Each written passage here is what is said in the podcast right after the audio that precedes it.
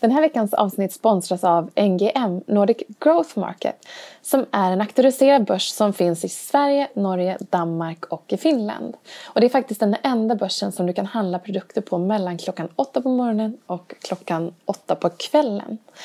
Det är ett helägt dotterbolag som ägs av Börsen Stuttgart och det är Tysklands största marknadsplats för privata investeringar. Om du å andra sidan är ett bolag som vill expandera till en ny marknad, finansiera ett nytt projekt eller göra ett förvärv, då kan en börsnotering vara något för dig.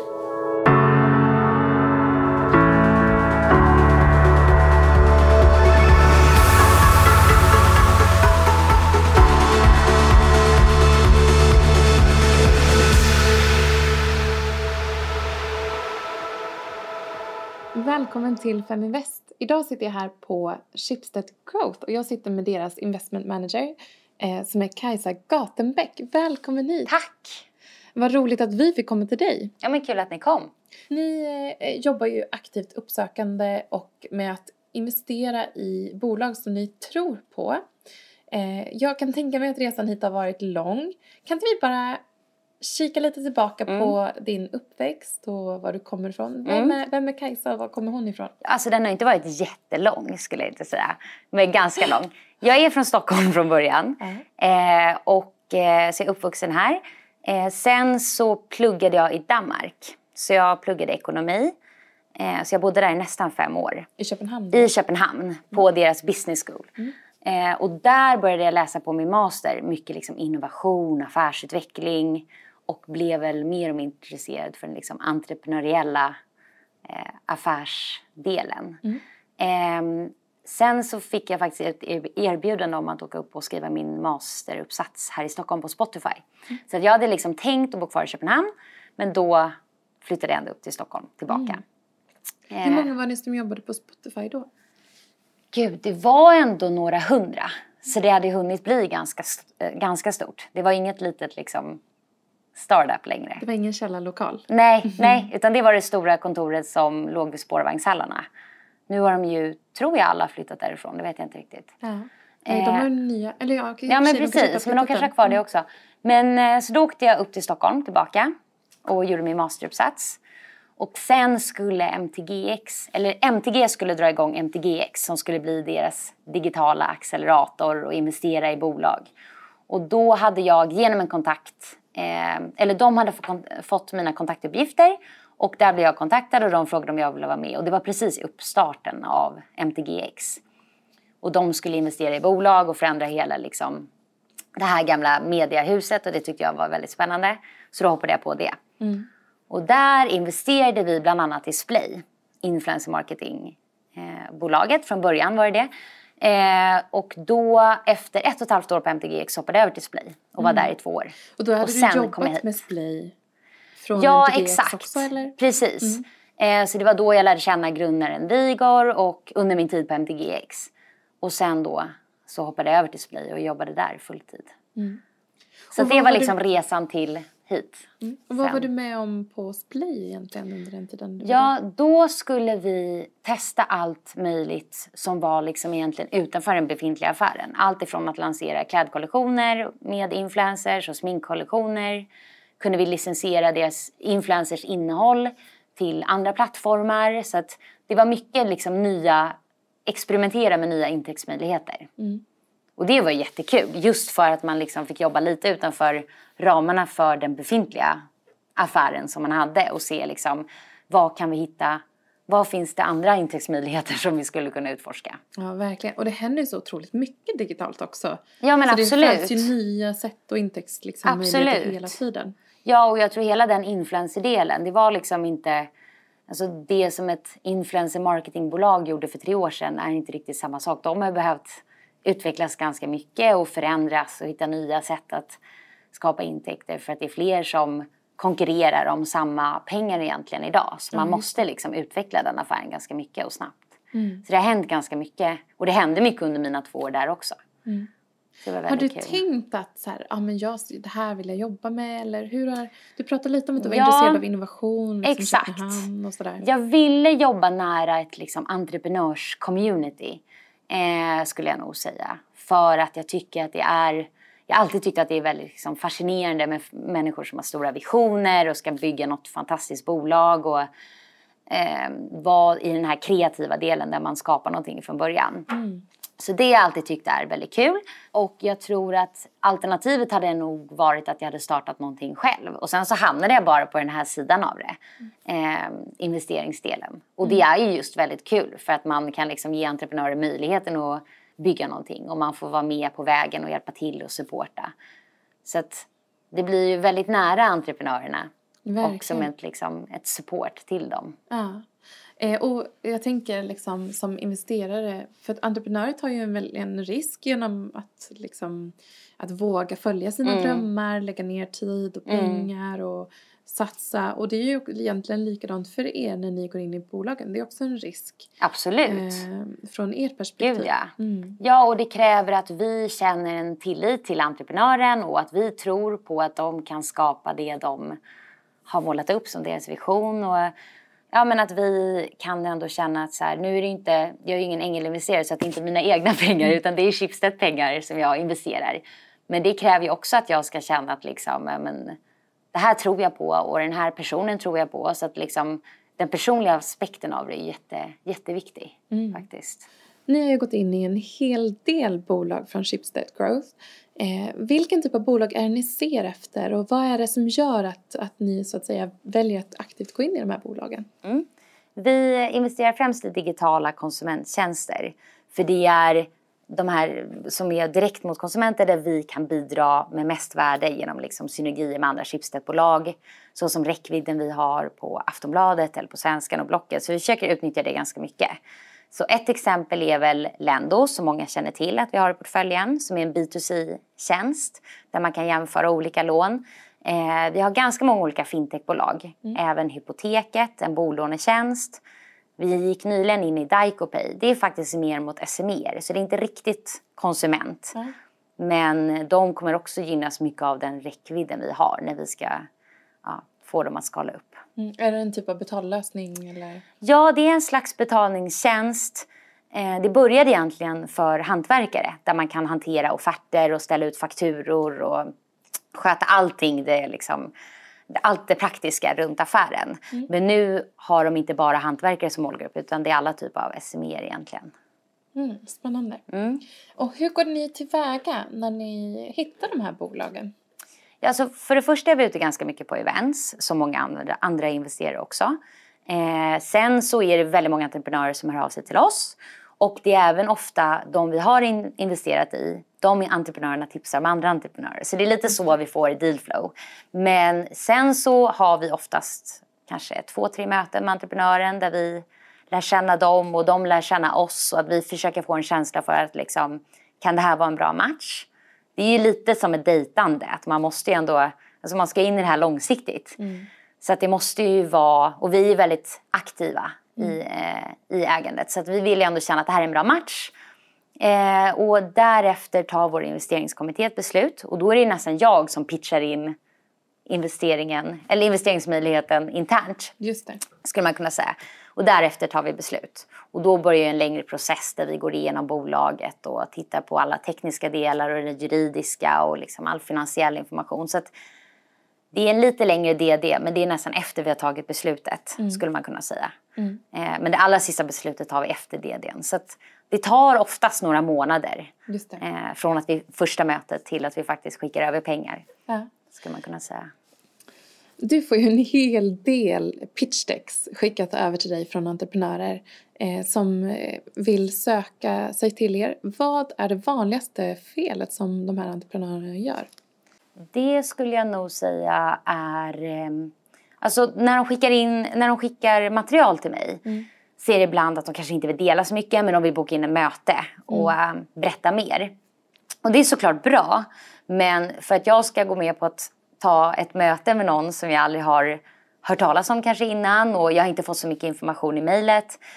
Man har inte så jättemycket tid och det, så det ska mycket till för att jag ska känna att så här, wow det här är så pass spännande. Alltså jag måste få lite information. Mm. Så att delvis misstag att man kanske inte är villig att dela så mycket information. Mm. För egentligen vad ska jag göra? Alltså, det är klart man, man borde våga dela information. Mm. mm. För att liksom jag ska känna att ja, men det här är värt att boka in ett möte med.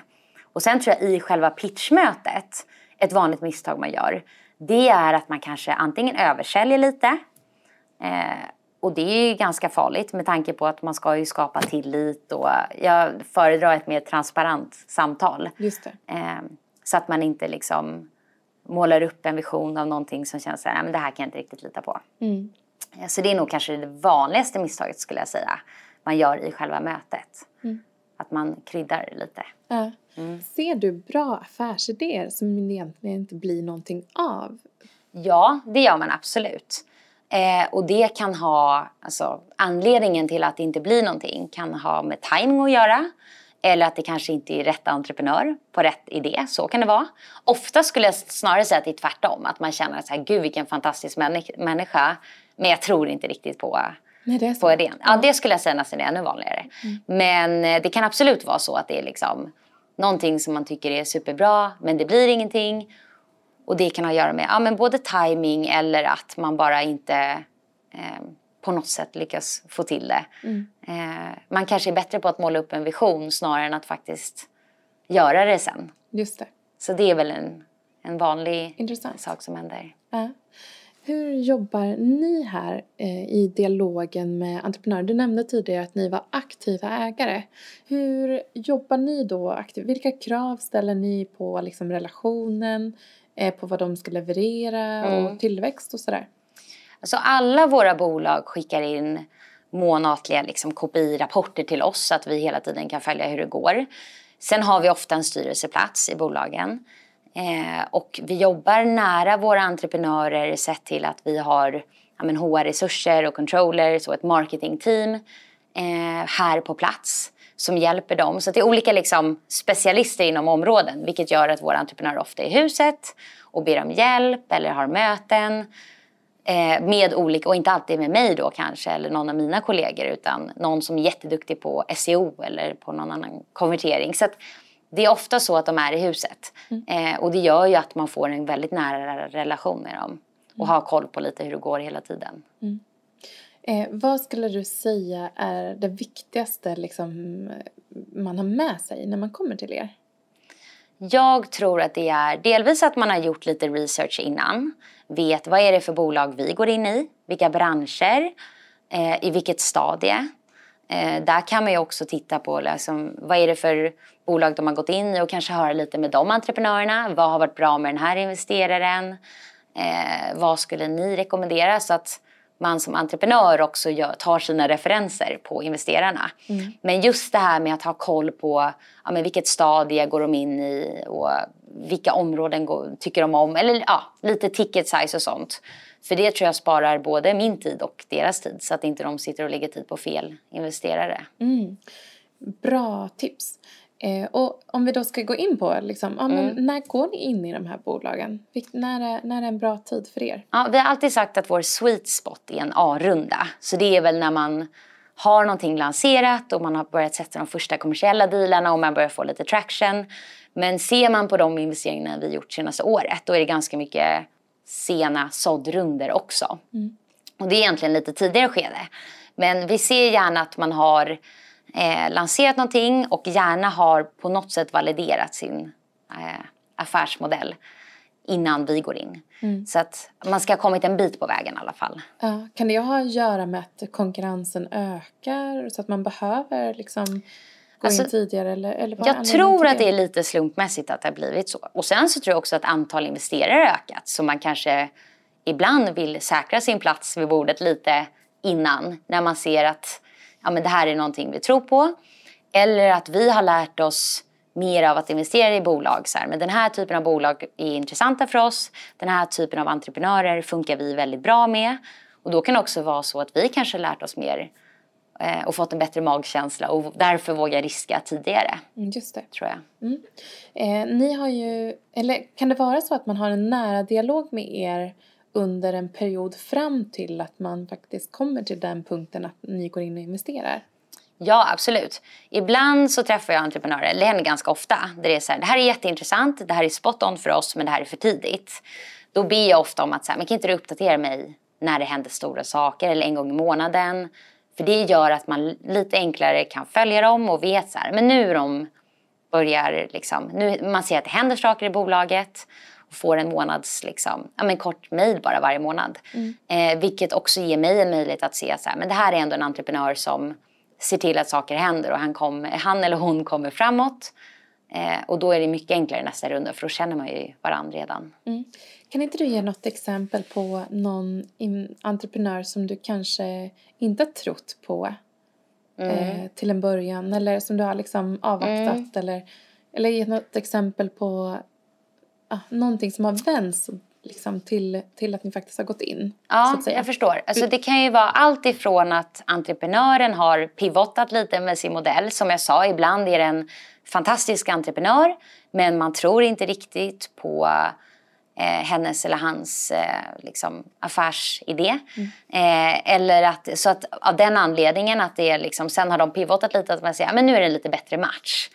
Eh, eller att det bara är egentligen att man, det tar ett tag att bygga den här tilliten. Att jag känner så här, men jag litar på att du kan leverera på den här planen. Och, ja, men jag har fått förtroende för dig. För att det handlar ju också om att man ska känna att så här, men jag vet lite vad du kan sen innan. Och ja, jag kanske har fått bra referenser och du har ändå under nu en period bevisat det lite för mig att så här, men det, det händer saker mellan varje möte som vi har och du visar att du hela tiden ja, men kommer framåt och du kan ta till dig feedback. Så att, ibland tar det ju tid att bygga ett sånt förtroende. Absolut. Men då kan det absolut vara att man först har varit ganska skeptisk och sen ja. blir övertygad successivt. Ja. Faktiskt. Ja.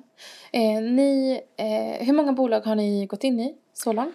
Eh, ungefär 40 45 mm. eh, sen vi började investera. Nu har vi ungefär 20-25 i portföljen. Och det är primärt svenska och norska bolag. Mm. Och vad är målsättningen och vad önskar ni få ut av, av relationen långsiktigt? Vi, har, vi är en långsiktig investerare för vi är en institutionell, institutionell investerare och tar investeringar på balansen. Så att vi har inte heller en fond där det är så här, men vad kan vi förvänta oss eller vi vill göra en exit om fem år eller tre år eller så. Utan vi kan liksom tänka att vad kan det här bolaget vara om 15 år, om 20 år? Så att, och det är ett ganska, en, liksom ett, en, en lyx tycker jag, att man kan vara lite mer långsiktig när man Verkligen. investerar. Mm. Eh, men det vi hoppas på är så här, men vad kan bygga framtida Schibsted? För att vi kan inte förlita oss på publishing verksamheten och printtidningar för alltid. Så vi måste hitta nya affärsområden. Och så var det egentligen, och så blev det med Blocket och alla Blocket-kloner i världen som är vårt liksom marketplaces-område som nu knoppas av och blir sitt egna bolag. Eh, financial services, nu har vi gjort så pass många investeringar inom fintech att det blir sitt egna affärsområde. Mm. Så det är snarare skulle jag säga att framtidssäkra för Schibsted att hitta nya affärsområden. Mm. Eh, hur tror du att relationen mellan investerare och entreprenör kommer att förändras framåt? Jag tror att eh, alltså det blir fler och fler investerare märker vi. Både corporate investors som vi är. Men även andra typer av liksom ängelinvesterare och VCs och sånt. Så att vi får ju mer konkurrens vilket gör att vi måste vara bättre på att vässa vårt erbjudande gentemot entreprenörer. Man märker att fler investerare blir mer aktiva eh, investerare och försöker bidra på olika sätt. Och erbjuda olika liksom, tjänster till entreprenörer också. Mm. Så som det här med att vi hjälper till med marketing och de delarna. Just eh, sen så tror jag att, eh, jag vet inte mer hur, hur relationen entreprenörer och investerare kommer, investerare kommer förändras. Men jag tror att entreprenörer nu börjar kravställa investerare mer. Att man vill ha aktiva ägare. Mm. För att pengar till en början är inte supersvårt att få för ett liksom svenskt tech startup egentligen. Men det är mer att kanske andra investeringen är svår eller tredje.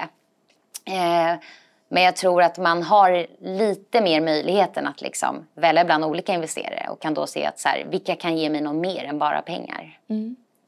Intressant. Så det, och det är egentligen, det här är ju en förändring för jag tänker som, som problematiken som man, när man pratar med mm. investerare tidigare har ju varit att entreprenörer har egentligen inte fått välja eller liksom ställa krav på sina investerare eh, tidigare för att det har varit så, mm. så hård konkurrens. Mm. Eh, och svårt, liksom, svårt ja, för entreprenörer att ta och få investerare och så ja. vidare.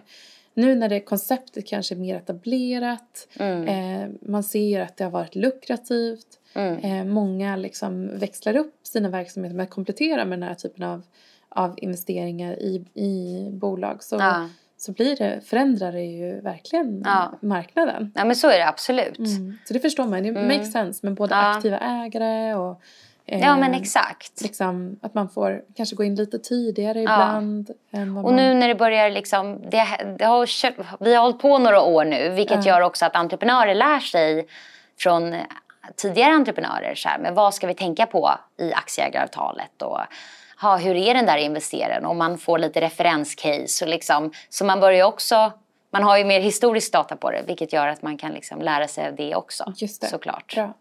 Eh, om man då tittar på den typen av bolag, alltså det, Dagens Industri har publicerat data mm. på hur få kvinnliga entreprenörer som mm. får kapital. Hur, hur tänker ni aktivt på den typen av frågor? Att liksom... Mm. Alltså det gör vi verkligen. För att vi får, jag skulle säga av de som hör av sig till oss, då är det, majoriteten är manliga entreprenörer. Och där har ju vi behövt se, men hur hittar vi då de kvinnliga entreprenörerna? För de finns. Mm. Det är bara det att det inte är lika många av dem. Tyvärr, än så länge i alla fall. Så att vi har ju behövt ändra vårt sätt i att aktivt söka upp dem. Genom olika typer av events som vi anordnar eller är med på. Så att man får liksom också försöka få kvinnliga entreprenörer och även kvinnliga kollegor på Schibsted att tipsa oss om bra just kvinnliga, alltså kvinnliga entreprenörer. Så man får jobba mer aktivt på den delen. Och jag tror att det krävs ur ett investeringsperspektiv att man liksom försöker ändra sitt sätt att, eh, att hitta entreprenörer och hitta bra case. Mm. För att det är olika. Mm. Och man måste nog tvinga sig lite till det. Eller det kommer inte naturligt i alla fall, mm. tror jag.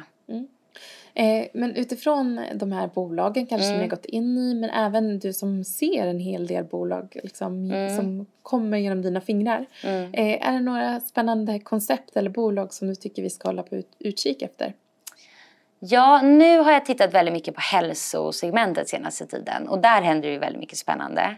Eh, även mer liksom nischade konsumenttjänster så det är inte bara de här B2B, eh, de här storbolagen vi har sett som ett doktrin och mm. Dr. 24 och så, utan det är även mer nischade konsumenttjänster. Eh, och där tycker jag att det händer väldigt mycket och mycket spännande bolag. Eh, sen så tror jag eh, hmm, andra tips så på områden.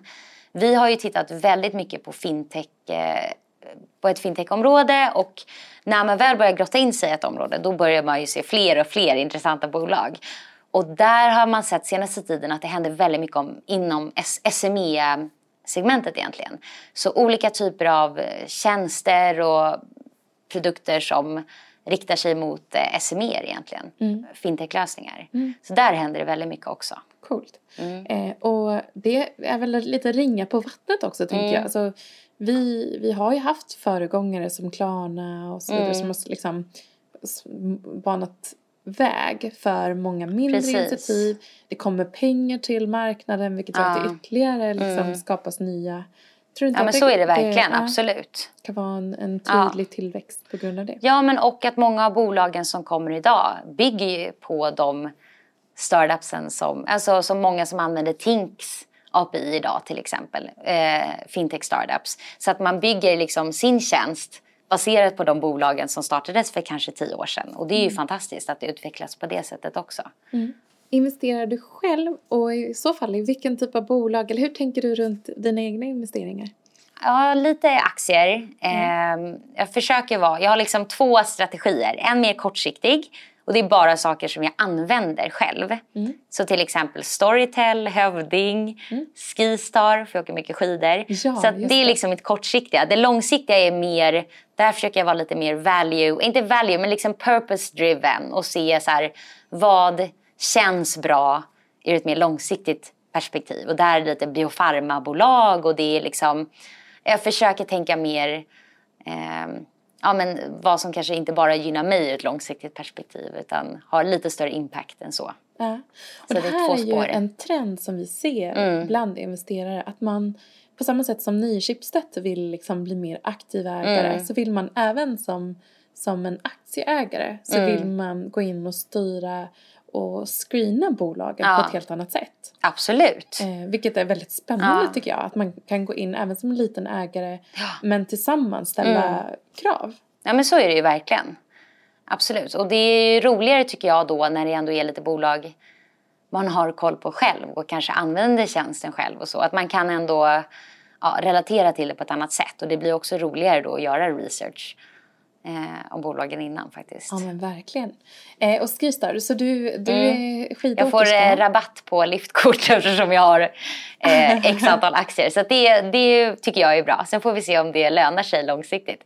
Eh, men eh, jag åker mycket skidor. Mm. Så att, därför känns det också väldigt bra. Och jag åker mycket i Åre. Och det är Skistar som har Åre. Så att, ja, mm. Man får ju sponsra sånt då. Ja men exakt. Mm. Och det där tror, ser vi också mer av att, att man liksom mm. man, man, erbjuder andra kreativa moderna mm. sätt att så här, möta sina ägare. Ja, nej men verkligen så är det ju. Mm. Jag menar att jag pratar om rabatten på jag får på liftkort och det är därför jag har aktier men tydligen så funkar det. Så att, Exakt. Ja. Ja. Eh, vart åker du helst då? Skidor? Eh, just, ja men som sagt Åre står mig liksom väldigt, eh, ja men det, det, det tycker jag om väldigt mycket. Sen är det såklart att den bästa skidåkningen får jag inte Åre, men Åre tycker jag om som by och liksom allt annat Åre har att erbjuda med downhillcykling och längdåkningen och så. Men eh, annars har jag säsongat i franska alperna. Mm. Så det är också, Chamonix står mig också väldigt nära, nära hjärtat. Mm. Mm. Eh, vi har ju landat lite i, i information och sådär om dig. Mm. Eh, och då så vill jag fråga, vad skulle du vilja liksom säga till någon som kanske nyexaminerade på väg ut i arbetslivet? Hur ska man mm. tänka runt liksom var man landar någonstans? Och... Alltså jag tror att det är ganska svårt att planera för mycket. För att oftast förändras saker och det, tror jag, jag tror att det är lätt att så här, när man är ganska insnöad på att man har en viss liksom, har tänkt en viss karriärsväg och att det ska bli på ett, på ett visst sätt så kan det bli väldigt jobbigt om det helt plötsligt om någonting går fel längs vägen. Mm. Eh, så att jag tror att man ska ha, försöka ha lite liksom bredare, det är lätt att säga för ofta har man kanske en ganska tydlig bild av att så här, men det här är dit jag vill och det är klart att man ska ha en tydlig målbild. Men att det finns oftast fler än en vägar kanske dit. Mm. Så att jag tror att det är bra att våga testa lite också och se att så här, ja men det här kanske inte var ett, ett rakt spår mot mitt mål. Men det kanske bara var ett litet sidetrack. Men det kanske går ännu snabbare, vem vet? Så det kan nog vara bra att tänka på också. Att det är liksom, oftast finns det flera vägar till målet. Mm. Bra tips. Mm. Och din förhoppning långsiktigt, vad tror du att du kommer göra om, om säg tio år? Mm, jag tror, eh, alltså jag trivs väldigt bra där jag är nu och det är ett väldigt kul jobb när man får sitta och träffa entreprenörer som är superdrivna och har stora visioner om att förändra världen. Så det jobbet är väldigt kul. Så det hoppas jag också att jag gör, fortsätter göra längre fram. Och sen så tror jag hela den här trenden med att man ska, det här med impact unicorn, så att man ska inte bara bygga ett bolag som är lönsamt utan som har en större positiv påverkan på vårt klimat eller på um, vad det än är ja, men man har lite det här större perspektivet. Mm. Eh, det tror jag är jätte, jätteintressant och jag tror att vi kommer se fler bolag som gör det. Och där hoppas jag att vi också kommer börja investera mer inom det, inom det området. Eller att jag kommer göra det framåt också. Mm. Eh, jag tänker lite för dina egna investeringar så sa mm. du, du har ju liksom den här sidan när du tänker lite mer långsiktigt mm. och, och bolag som du tror på, du mm. nämnde farmabolag. Mm. mm. Eh, vad av värderingar tycker du är viktiga när det kommer till investeringar? Jag skulle nog säga att eh, ja, men, värderingsmässigt så kanske det är lite svårt när man gör research att veta liksom, var står ett bolag värderingsmässigt. Utan jag tror snarare så här, men vad är det för problem de försöker lösa? Och jag tror att som jag sa, det här med Storytel som jag har ur ett mer kortsiktigt perspektiv. Det problemet har ju kanske jag, åh jag orkar inte läsa en bok, jag vill hellre lyssna på en bok. Men det löser kanske inte så många andra människors problem också. Så att det handlar mer nog om för mig att så här, de här långsiktiga investeringarna jag gör är mer vad tacklar de för större problem. Och nu har det mer varit kanske sjukdomar och mm. den typen av bolag. Så mer liksom health tech-spåret. Men det finns ju väldigt mycket bolag man kan investera i också nu på börsen som har mer ett liksom, ja, men, vattenrening eller om det är liksom solcellsbolag. Alltså det finns väldigt mycket Miljö. olika typer. Ja men precis. Eh, men just nu har jag varit mer tror jag insnöad på hälsospåret faktiskt. Mm. Stort tack Kajsa för att vi fick komma hit till Schibsted Ja men tack för att ni kom. Tack så jättemycket för att du har delat med dig både av råd i förhållande till de entreprenörer som kanske söker sig till olika typer av investeringar och undrar hur de ska tänka. Men också för att du delar med dig av dina egna investeringsstrategier. Jättespännande. Ja, men tack själv. Bara kul att vara med. Väldigt kul.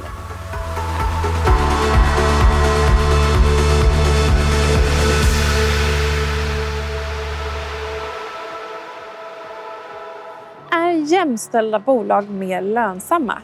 Kan du som investerare placera dina pengar i aktivt jämställda bolag och därmed få högre avkastning. Det och mycket mer kommer vi ta upp i det kommande avsnittet för Feminvest i dialog med jämställdhetsstrategen Vendela Ragnarsson. Följ Feminvest på våra kanaler Facebook, Instagram, Youtube. Varje vecka så kommer vi även ut med en podd och du kan ju självklart även följa nyheterna som publiceras på feminvest.nu. Det är bara att söka på Feminvest på samtliga kanaler så hittar du till oss.